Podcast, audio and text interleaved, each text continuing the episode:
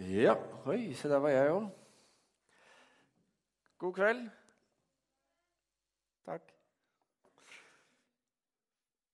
Hyggelig å se dere. For dere som ikke kjenner meg, så heter jeg Frode. Frode Øvergaard og er eh, pastor her. Jobber sammen med Thomas bl.a. Og eh, skal få lov til å tale her nå i kveld. Vi er, som Thomas sa, inne i en prekenserie som eh, heter Giftig. og Dette er tredje uken i denne serien. Og det vi kaller giftig, det er eh, det som kan være eh, Eller materiale som kan føre til sykdom eh, og eller død. Og Vår vinkling inn mot dette temaet det er jo selvfølgelig da fra en litt mer åndelig, sjelelig perspektiv.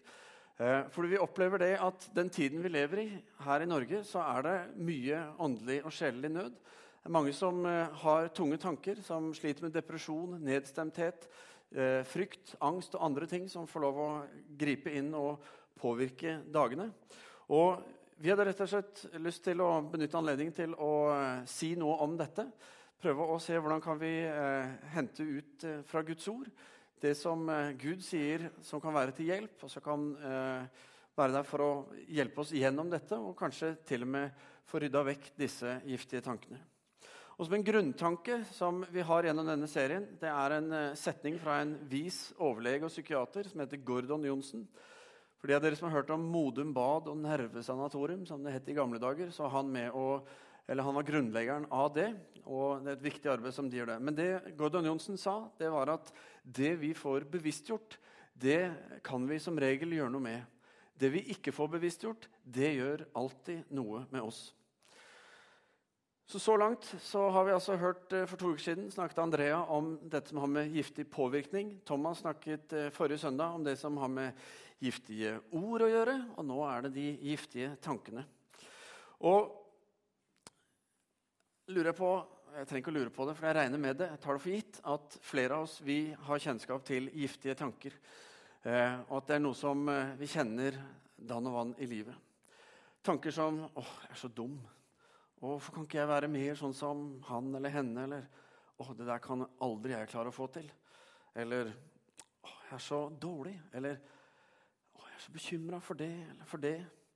Livet mitt det er helt ubetydelig. Hater utseendet mitt. Gud er ikke noe glad i meg. Han bryr seg ikke om meg. Alle disse tankene som trykker oss ned, og som er giftige tanker. En søndag formiddag for uh, noen år tilbake Jeg har unger i alderen 10-14-16. Og hvis vi går da seks år tilbake, så var de minus seks hele gjengen. Som da skulle gi oss noe sånt som uh, fire, åtte og ti. Og det var typisk søndag formiddag. Det var den verste, eller søndag morgen var den verste tida i uken. For da var det full krig. Ungene hadde ikke lyst til å gå, særlig de eldste. Søndagsskolen var kjedelig, og vi måtte motivere og vi måtte få dem til å kle seg. og hele spetakkelet. Og Det var en sånn søndag formiddag, og jeg kom litt senere inn til kirka enn det jeg liker. Så jeg var litt sånn stressa, hadde dårlig tid, inn på kontoret for å skrive ut talen. Og Den hadde jeg sendt til meg selv på mail, for jeg hadde skrevet den på hjemme-PC-en og skulle da liksom lure den opp på laptopen. Og uansett hvor presist og bra 100% riktig jeg skrev inn brukernavn og passord på maskinen min, så var det helt umulig å få åpna det der mailprogrammet. Så jeg fikk rett og slett ikke tilgang på talen min. Jeg fikk ikke skrevet den ut. Og jeg begynte jo å få litt sånn småpanikk. da, vet du. Og tankene de kom som en sånn bisverm som bare angrep huet. Og etter å ha sikkert både forbanna Gmail og Google og Microsoft og IBM og alle som hadde skyld i dette, så var det jeg som sto for tur. For jeg var jo elendig idiot. ikke sant? Hvorfor la du ikke den talen over på en minnepenn? Åh, det er så typisk deg. Det er så typisk søndag morgen. Alt bare går gærent. ikke sant? Gud, vil du ha meg ut av tjenesten? Hvorfor skal det være så vanskelig? Kan du ikke bare fikse dette her og få åpna det programmet? Åh, jeg er så dum, og nå går alt rett vest. Hva skal jeg si der oppe? Jeg har jo ikke noen tale. Hva, hva gjør jeg? Hvorfor hater du meg, Gud? Og så plutselig, midt inni alle disse her, så kom det et passord.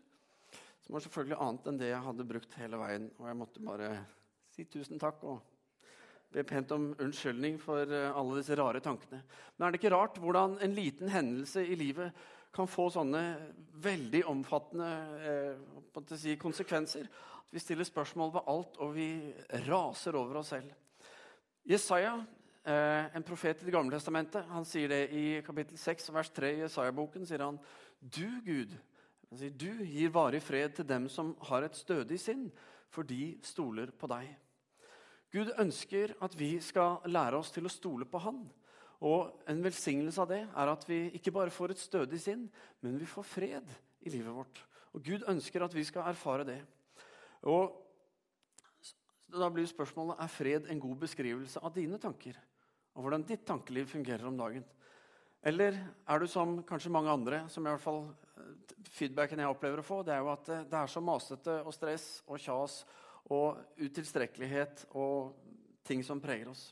Så målet i hvert fall i dag det er å se hvordan kan vi gjøre noen grep som kan lede oss fram til et sted hvor vi får erfare denne freden. Hvor vi kan få lov til å hvile i forhold til tankene og gjøre noen grep i forhold til dette med de giftige tankene.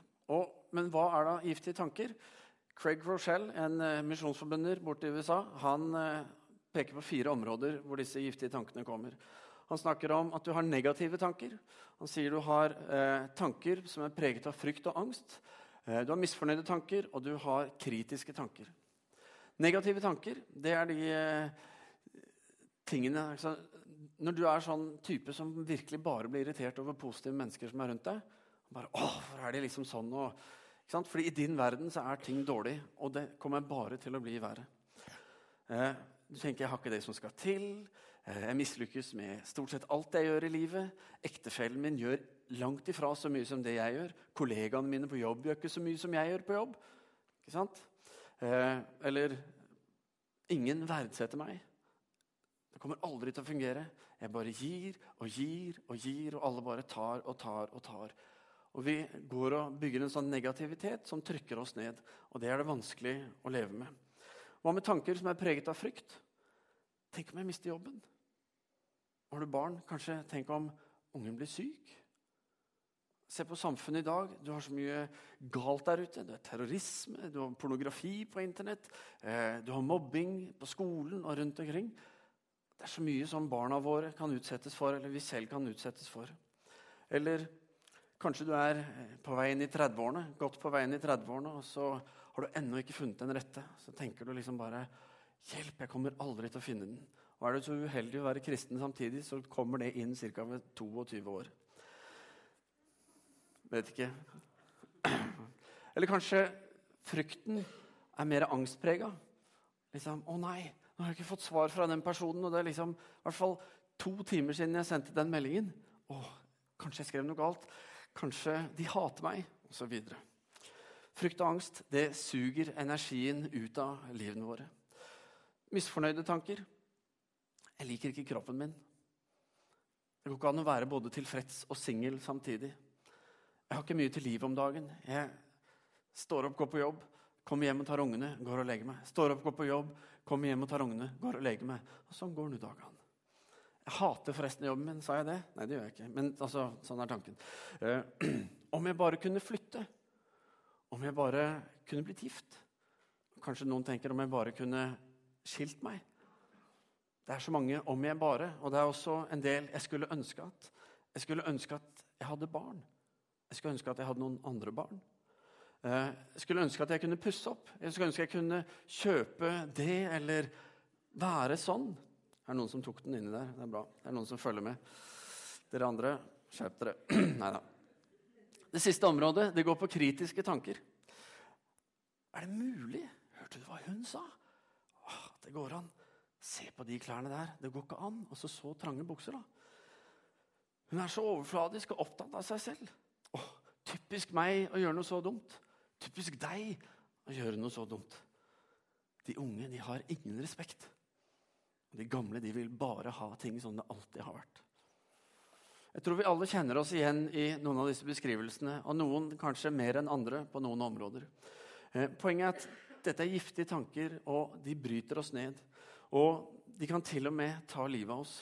Så ille er det. Og Derfor er det viktig at vi bevisstgjør oss på disse tankene og hva vi kan gjøre med dem, og hvordan vi kan rense opp i forhold til det. Det handler ikke om å fordømme noen av oss fordi vi har sånne tanker, for dette er noe vi alle sliter med på en eller annen måte. Men saken er at disse tankene de preger oss. De former livet vårt på mange områder. Og det er verdt for oss å bli klar over det, bevisst, bli bevisstgjort på det, sånn at vi kan gjøre noen grep i forhold til det. For det er nemlig sånn at de negative tankene som vi har, de gjør oss sure og irritable som mennesker. De eh, tankene som er av frykt og angst, de stjeler det Bibelen snakker om, som handler om eh, å erfare en fred som overgår all forstand. Hindrer oss i å erfare det. Eh, det er vår misnøye som hindrer oss i å kunne få del i den fullkomne gleden som Jesus snakker om. Og det er våre kritiske tanker som hindrer oss i å kunne elske vår neste, som Jesus sa det skal vi gjøre. Og tenk deg Hvis du kunne identifisere de giftige tankene, om du kunne stanse de, om du kunne erstatte de, ville ikke det være noe som eh, var bra for deg, bra for livet ditt? Eh, skal du gjøre det, så krever det en innsats fra din side. å være bevisst på dette. Vi skal se på tre steg nå til hvordan vi kan stanse og erstatte giftige tanker. For det første så snakker Bibelen om å ha Kristi sinnelag. Hvordan kan vi utvikle Kristi sinnelag i livet vårt? Eh, og Det handler litt om å ha det tankesettet, måten å tenke på og den inspirasjonen eh, som Jesus hadde. I 1. Korintbrev 2 så ser vi at Paulus han argumenterer om at det er en forskjell på det å være smart og det å være vis. Han sier at det finnes mange smarte mennesker som gjør eh, dårlige valg. Som gjør at de ender opp i eh, ulykke. Og Det rett og slett handler om mangel på visdom, sier Paulus. Og Vi ser det stadig vekk. Smarte og dyktige næringslivsledere som eh, går med på å gjøre avtaler og forhandler med ting som de ikke burde gjort, som ender opp i eh, store tragedier for selskapet og for dem selv. Vi ser politikere som eh, innleder forhold med mindreårige som er av usunn art. Eh, og dette er smarte mennesker som har forutsetning til å gjøre gode valg i utgangspunktet, men som mangler denne visdommen som Paulus snakker om. Og Vi spør oss selv hvorfor gjør de dette. Hvorfor er disse smarte menneskene så tilsynelatende dumme at de gjør det? Og Paulus sier det er en forskjell på det å være smart og det å være vis. Og Paulus sier det at Hvis du ikke har Guds ånd i deg, så kan du heller ikke skjelne i det som har med åndelige forhold å gjøre. Og den grunn så kan du og jeg, eh, vi som har Guds ånd, vi kan oppleve at vi står og prater med noen igjen og igjen om åndelige ting, men det bare glir ikke inn, sier Paulus. Rett og slett fordi de eh, har ikke den siden ved seg, den åndelige siden. Så summerer Paulus det opp i eh, vers 15 og 16 i 2. Korint, nei, 1. kor 2, hvor han sier litt sammenfattet Men et åndens menneske kan dømme om alle ting, for vi, vi har Kristi sinn. Og Derfor så kan vi ha en åndelig side ved vår tankegang. Vi kan få et nytt perspektiv inn. Og Så er spørsmålet da har vi Kristi sinnelag. Har du det? Fordi det å ha Kristi sinnelag det handler om å se verden ut fra Guds perspektiv. Det betyr at de avgjørelsene du tar, de tar du fordi du vet at de ærer Gud. Mer enn at du tar dem fordi de ærer deg, først og fremst. La oss f.eks. si at du havner lett i negative tanker. Hva sier verden at du skal gjøre hvis du sliter med negative tanker? Vel, Går du på bokhandelen og i bokhylla med selvhjelpsbøker, så finnes det masse bøker om å tenke positivt. Om du bare tenker positivt, Tro på deg selv, så ordner det seg. Men hvis du skal komme ut av et tungt tankesett, så hjelper det ikke bare med en teknikk som sier 'tenk positivt' og 'tro på deg selv'. Det må noe mer til. Og Løsningen er ikke en teknikk, for vi er så ofte opptatt av hva og hvordan skal vi løse ting. Men løsningen handler ofte om et hvem. Og Jesus er en som kan vise oss dette. Han, eh, Å lære han å bli lik han, det er noe som vil hjelpe oss inn i dette for å utvikle Kristi sinnelag, det er ikke bare noe som gjøres i en sånn derre Ok, Gud, gi meg det. Men det er noe som vi må jobbe med og se hvordan kan vi få dette inn i livet vårt. Eh, la det Jesus tenkte på, være det som du tenker på. La det som betydde noe for han, det han var opptatt av, være noe som du eh, skal bry deg om å være opptatt av. Og når du gjør det, så vil du ikke bare være smart, men du vil også få Guds visdom inn i ditt liv, inn i din hverdag. Og det vil hjelpe deg i eh, mange, mange ting. Men spørsmålet som du da sitter helt sikkert inne med nå, det er hvordan får vi Kristi sinnelag? Og Det spørsmålet det fører oss til punkt to, som handler om hvordan kan vi etablere nye spor. For det er det vi trenger å gjøre. Vi skal se litt nærmere hva det er. I Romerne 12, vers 2, så sier Paulus Eh, innrett dere ikke etter den nåværende verden, men la dere forvandle ved at sinnet fornyes, så dere kan dømme om hva som er Guds vilje, det gode, det som er til glede for Gud, det fullkomne. Jeg regner med at eh, en eller annen gang i livet så har du lurt på Gud, hva tenker du om det jeg går og tenker på nå? Og Kanskje er du der nå at du har en avgjørelse du skal ta i livet, og du lurer på Gud, hva ønsker du? Hva har du lyst til å si til meg inn i dette? Og Bibelen sier at du skal gjøre det på denne måten. Den sier for det første ikke, ikke kopier det du ser i samfunnet. De valgene du ser i samfunnet.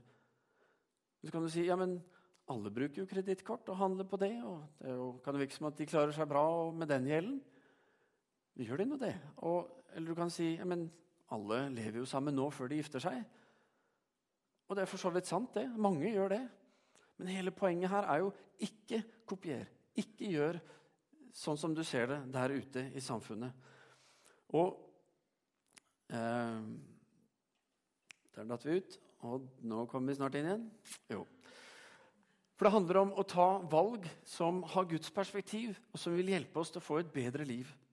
Fordi Det er gjerne sånn, det er ikke bare gjerne sånn, men det er sånn at de valgene vi tar som ærer Gud, de ærer også oss og vår neste. De valgene vi tar som handler om å ære oss først og fremst, de ærer av og til vår neste, og sjelden Gud. Veldig mange eh, som jeg snakker med, de er opptatt av at de skulle ønske at ting var litt annerledes. At det var eh, litt lettere, ikke fullt så tungt. At de hadde mer ro og trygghet, fred og glede i livet. Men de vet ikke helt hvordan de skal komme dit. Hvordan de kan oppnå det. Men Bibelen sier det handler om sinnelaget, det handler om tankesettet vårt. hvordan det fungerer. Jeg regner med at mange av dere vet at, og har sett det at vann som renner nedover en fjellside, eh, og det gjør det hver dag over lang tid, etter hvert så former det et spor i fjellet. Du kan ikke se det fra dag til dag eller fra uke til uke, men over lange tidsperioder så skaper det et nytt spor. Og På samme måte fungerer de tingene som skjer i livet vårt. de valgene og tankene vi har. Mange tenker at en liten løgn nå og da, det gjør ikke så mye. At jeg er inne og ser på noen sider på Internett som jeg ikke burde se på av og til, det gjør ikke noe. Men poenget er at når vi først begynner, så blir det mer av det. Og så etter hvert så danner det seg et spor som blir vanedannende for oss. Og så er ikke problemet bare at vi velger å gjøre det enkelttingen eller den enkelttingen. Men det at vi tillater oss selv å gjøre ting som vi vet er galt, det gjør også et spor som fører til at når vi kommer i nye utfordringer, nye problemstillinger vi skal ta stilling til, så er det et spor allerede i oss som får oss til å velge galt på ny og på ny. Og greia er at disse sporene de tar vi med oss videre i livet de tar vi med oss inn i ekteskapet vårt, inn i familielivet vårt, inn i arbeidslivet vårt, inn i vennskapene våre. Og ofte så har disse en tendens til å føre til både skade, sykdom og eh, død i verste fall. Eh, og Vi ser det i media stadig vekk. Og det, det, som er skummelt, er jo at disse sporene det er ikke sånn at eh, å ja, nå ser det dannes et spor her, nå må vi til med litt uh, ikke sant? Et eller annet, hva heter det, sånn sparkelmasse ikke sant? og fikse dette. Nei, det er bare plutselig så er det der. ikke sant? Og det er vanskelig å få gjort noe med det. Hvis jeg skal gi dere en fryktelig enkel framstilling av mine foreldre, eh, så kunne jeg si at min far han var en rolig type. Og min mor eh, var på mange måter en kynisk type. Litt sånn i den morsomme side ved akkurat denne kynismen hennes. da. Men det må du lære henne å kjenne. Min far han hadde stor overbærenhet i en del ting. Og min mor hun møtte frykt og farer med sånn derre Nesten sånn derre Bring it on, liksom. Det går bra. Eh, og kan hende at det er de sidene ved de Dette er ikke noe dypstudie jeg har gjort, men det bare kan hende at de sidene der har eh, skapt et spor i meg som gjør at mange opplever meg som en litt sånn ubevegelig og vanskelig å engasjere type. For Du kan komme og fortelle meg noe og være så glad som bare det, og så sier jeg ja vel, fint det. Hyggelig. Og Det er jo en eh, fortvilelse for mine kolleger, Thomas eksempel, som er veldig lett bevegelig og veldig eh, engasjert. Kommer og jo, Så står jeg der, vet du. Ja. Men det er jo ofte sånn det skjer. ikke sant? Noe blir overført til oss fra foreldre. Det kommer i barndommen eller opplevelser, opplevelser som vi har hatt opp gjennom livet. Og så etablerer det spor i oss som påvirker oss den dag i dag. Det kan lede til frykt, angst, kan lede til negative og kritiske tanker, misfornøyde ting. Det kan være ting du har opplevd i barndommen, gjennom ungdomsårene, noe som du selv har utsatt deg for, eller blitt utsatt eh, for av andre. Eh, så lurer du på hva kan jeg gjøre med dette. For jeg, jeg, vil ikke være engstelig for disse tingene lenger. Jeg vil ikke gå og bære på disse bildene i tankene mine lenger.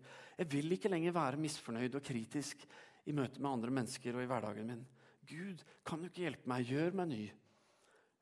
Og eh, Bibelen sier at det kan vi gjøre. Og det starter igjen her oppe. Vi må fornye sinnene våre, og vi må etablere nye spor.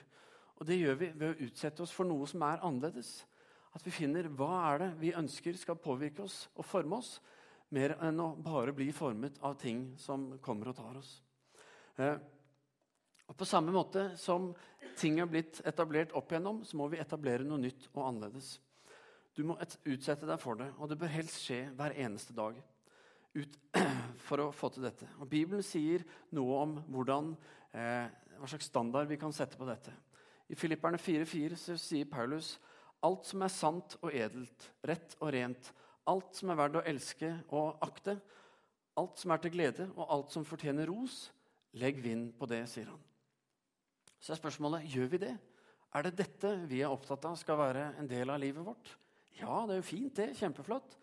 Men er det det som er på en måte Eh, standarden som vi setter, det er viktig å ha en tanke for. Fordi skal vi fylle livet vårt med det som er sant, edelt, rett og rent osv., så, så trenger vi å sette en standard som eh, filtrerer på en måte det som livet utsetter oss for. Eh, men så dukker en ny oppfordring opp, og det er hvordan vet vi hva som er sant og edelt og rett og alt dette her?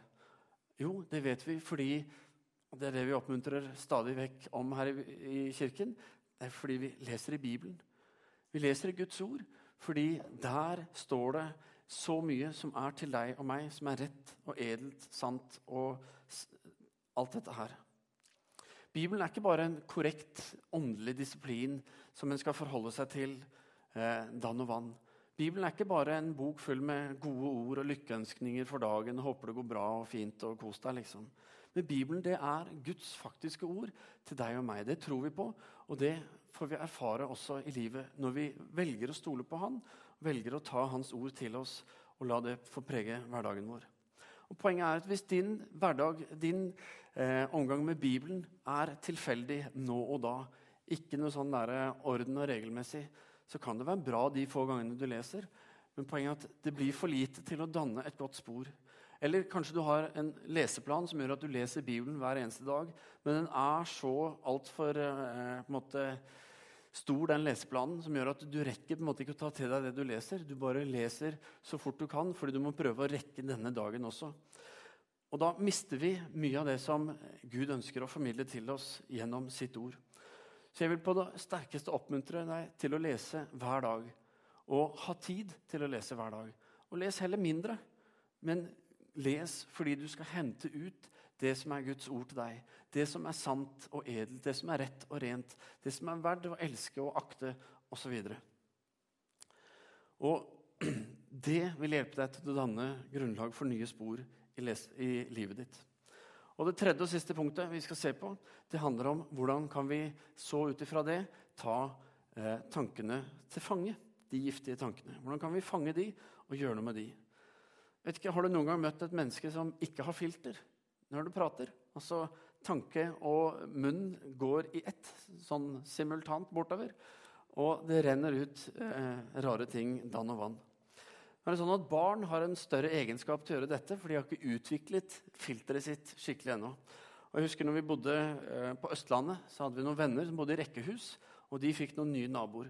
Og Det var et eh, par som eh, hadde en ganske broket bakgrunn. Hadde levd et tøft liv, og de var dypt inne i trygdesystemet. Og da våknet eh, morsinstinktet opp hos venninna vår, som da skulle beskytte barnet sitt og på en måte hjelpe henne med å få en sånn trygg, god ramme rundt i forhold til hvordan hun skulle omgås disse nye naboene. Så hun hadde sikkert på en god og diplomatisk måte forklart at ja, disse skal vi ikke forstyrre og være forsiktige. og alt sånn, og, ja, og det ene med det andre. Så skjer det da selvfølgelig den, en vakker sommerdag at mor er ute og soler seg og ligger med øynene igjen og bare suger til seg varme og alt det gode og D-vitaminer og sånn. Og dattera er ute og løper i hagen. Så er naboen også ute i hagen og ser over hekken og sier til lille jenta 'Hei, og hva heter du, og hvordan går det med deg?' Og så kommer det sånn 'Jeg får ikke lov å snakke med deg. Mamma sier det kan være farlig.' Ikke sant? Hun bare ikke det jeg sa, det var ikke sånn jeg mente det. ikke sant? Og så er det en, sånn, en av de flaueste opplevelsene. ikke sant? Men det, vi har det sånn, de fleste av oss. Vi har et filter i forhold til hva vi sier. Vi har en evne til å være diplomatiske og formulere oss eh, på en god måte. Fordi vi filtrerer våre tanker, våre ord, eh, når vi setter ord på det. Altså. Men tenk om du kunne ta disse giftige tankene og filtrere de. At du kunne forholde deg til disse på en tilsvarende måte filtrere vekk dette når det dukker opp, før det liksom får begynt å plage deg igjen og slå rot i, i, dagen din og fortelle at dette blir nok en dårlig dag. ikke sant? Hadde ikke det vært noe? Det går an. Og Bibelen oppfordrer oss eh, nettopp til å gjøre det. Skal vi lese i 2. Korinterbrev 10, vers 3-5. Der sier Paulus.: For vel går vi fram på menneskelig vis, men vi kjemper ikke med menneskelige midler. Våre våpen er ikke fra mennesker, men har sin kraft fra Gud og kan legge festninger i grus. Vi river ned tankebygninger og alt stort og stolt som reiser seg mot kunnskapen om Gud. Vi tar hver tanke til fange under lydigheten mot Kristus. Vi tar det til fange under lydigheten mot Kristus. Det kan vi få lov til å gjøre. Og det er det Kristus hjelper oss med med sitt sinnelag. Eh, og Filteret er nettopp dette. Er det sant? Er det edelt? Er dette noe som er rent og rett, som vi ønsker inn i livet? Og Hvis det ikke er det, så kan vi gi det fra oss. Og bare For å ikke forenkle det, la oss se på noen sånne praktiske eksempler på hvordan vi kan gjøre dette. Eh, la oss si du kjenner på en litt sånn angst og frykt med tanke på fremtiden din. Usikker på hvordan det er, og du syns det er skummelt. Ok, Neste gang de følelsene kommer, de tankene som forteller at dette kommer ikke til å gå så bra, så Be en enkel bønn. Kjære Gud, jeg vil ikke at min fremtid skal være preget av angst og frykt. Herre, jeg binder denne frykten og angsten i Jesu navn. Og så gjør du noe lurt. Det er at du går og finner eh, Bibelen din, og så leser du noen ord. Og etter hvert så lærer du deg disse, sånn at det blir en del av deg. Hvis du leser f.eks. Matteus 6,34, hvor det står deg, Gjør deg ingen bekymringer for morgendagen. Morgendagen skal bekymre seg for seg selv hver dag har nok med sin egen plage. Eller i Jeremia 29, 11, hvor det står For jeg vet hvilke tanker jeg har med dere, sier Herren. Fredstanker og ikke ulykkestanker. Jeg vil gi dere framtid og håp. Synliggjør disse. Lær deg de. Få det inn på å si, Spinne rundt på laptopen din, på hva heter det, skjermspareren. ikke sant? På mobilen din. Heng på kjøleskapet ditt. Wherever. Men ta det til deg, og la dette få være med og danne nye spor. Og eh, tilsvarende, Hvis er negative tankene kommer, som sier at eh, du har ikke noe å bidra med, eller det livet du har levd, er for dårlig til at Gud kan bruke deg til noe. Vel, Da kan du lese det som står i Romerne 8, 28, hvor det står Vi vet at alle ting tjener til det gode for dem som elsker Gud. Eh, dem han har kalt etter sin gode vilje. Og så eh, vet vi at, så lærer vi med livet at Gud han kan ta det som er vanskelig og vondt, og så kan han vende det til noe som er godt. Eh, eller hva, som, hva, om du har en utfordring à la det Jobb har, Jobb i Gamle testamentet. Eh, han gjorde en avtale med seg selv, leser vi i kapittel 31, vers 1, hvor han sier Jeg har gjort en avtale med mine øyne at jeg ikke skal se på noen ung kvinne. Og hvis begjær er noe du sliter med, at eh, når du ser på kvinner, hvis du er gutt eller hvis du er kvinne og ser på menn på en måte som ikke er bra, så måtte gjøre en avtale. Finn ut hvordan du skal forholde deg til dette. Og Nå skjønner du kanskje poenget. ikke sant? Altså, Når tankene kommer, gjør noe konkret med dem, og eh, se hva det Guds ord sier, sånn at du kan begynne å skifte disse tingene og gå imot det og få nettopp disse våpnene som Paulus snakka om. Fordi giftige tanker, eh, som vi nå har sett, det er jo noe som alle eh, utsettes for i større eller mindre grad på en, en eller annen av disse områdene. Og jeg tror at det er altfor mange kristne i dag som ikke får lov til å tjene med sine gaver, med sine evner, Fordi de sitter med en følelse av at eh, det livet de har levd, eller de tankene de har, eller måten de lever på, den er ikke god nok. Så de har trykket seg selv unna og sagt nei, dette er ikke bra. Meg kan ikke Gud bruke. Og vet du hva? Jeg har lyst til å si til deg at det er ikke sant. Gud kan bruke alle. Og eh, det Gud gjør, det er at han ved sin nåde så lar han oss alle få en ny start. Han eh, glemmer det som har vært, og så sier han det er det vi gjør fra nå av som betyr noe. Fordi han ønsker å tilgi alle. Han ønsker å fjerne alt dette tunge. Han ønsker å gi oss en ny start. Fordi Gud elsker alle, og Jesus kom for at alle skulle få lov til å bli frelst. Alle skulle få lov til å ha samfunn med, leve, nei, med Gud og leve med han. Eh, og Gud han tilgir alle som bekjenner sin synd, og han tar imot alle som vil tro og følge han. Så jeg har bare lyst til å oppmuntre deg til å se hvordan kan du ta den Jesus som du tror på, og eh, oppgradere han fra å være en som du bare sier 'han tror jeg på', til å være en som du sier 'han vil jeg følge', 'han vil jeg bli mer lik'. Og begynne å ta til deg av det han gjorde, av Guds ord. Og la dette få lov til å etablere nye spor i livet ditt, sånn at du kan begynne å gjøre konkrete grep i forhold til de giftige tankene som får prege kanskje livet ditt mye mer enn du liker, og som holder deg nede. For Gud ønsker at vi alle skal få erfare frihet, og derfor sendte han Jesus. Og Derfor sier også Bibelen at for Sønnen frigjort dere, ja, da blir dere virkelig fri. Og Da er det også godt å ta med seg dette, synes jeg er et veldig flott eh, løfte, som vi leser i Filipperne 4,7, hvor Paulus sier Og Guds fred, som overgår all forstand, skal bevare deres hjerter og tanker i Jesus Kristus. Gud ønsker at vi skal få det beste ut av livet. Og han ønsker å gi av sin visdom, av sitt liv, for at vi skal få lov til å få eh, del i det livet han har for oss. Og Det handler ikke om dette giftige, men det handler om nettopp friheten fra det. Og det å kunne leve i seier med andre våpen og andre virkemidler enn det samfunnet har, skal vi be. Kjære himmelske Far, takk for at uh, du er en Gud som kommer til oss. Du er en Gud som oppsøker oss. Du er en Gud som kommer med eh, din evighet, din evige sannhet og virkelighet og visdom og nåde, så kommer du og så ønsker du at vi skal få del i dette. At dette skal være det som definerer oss og preger oss, og som bærer oss gjennom livet. Du ønsker å tilføre din kunnskap, din visdom, inn i våre liv, Herre. Du som kjenner vår, hele vår historie. Kjente oss før vi ble født, Herre. Du som kjenner vår framtid, og som kan tale inn i våre liv, Herre, med ting og lede oss på den rette vei. Fordi du kjenner alle sider ved oss. Herre, Takk, Herre, for at du ønsker å sette oss fri fra disse utfordringene som vi kjenner på i hverdagen. Alle disse giftige tankene som så lett slår rot, og som eh, holder oss nede, og som hindrer oss i å få erfare din fred, din glede, din nåde og din sannhet og din seier. Så Herre, jeg ber, tal til oss i kveld. Gi oss vilje til å si ja.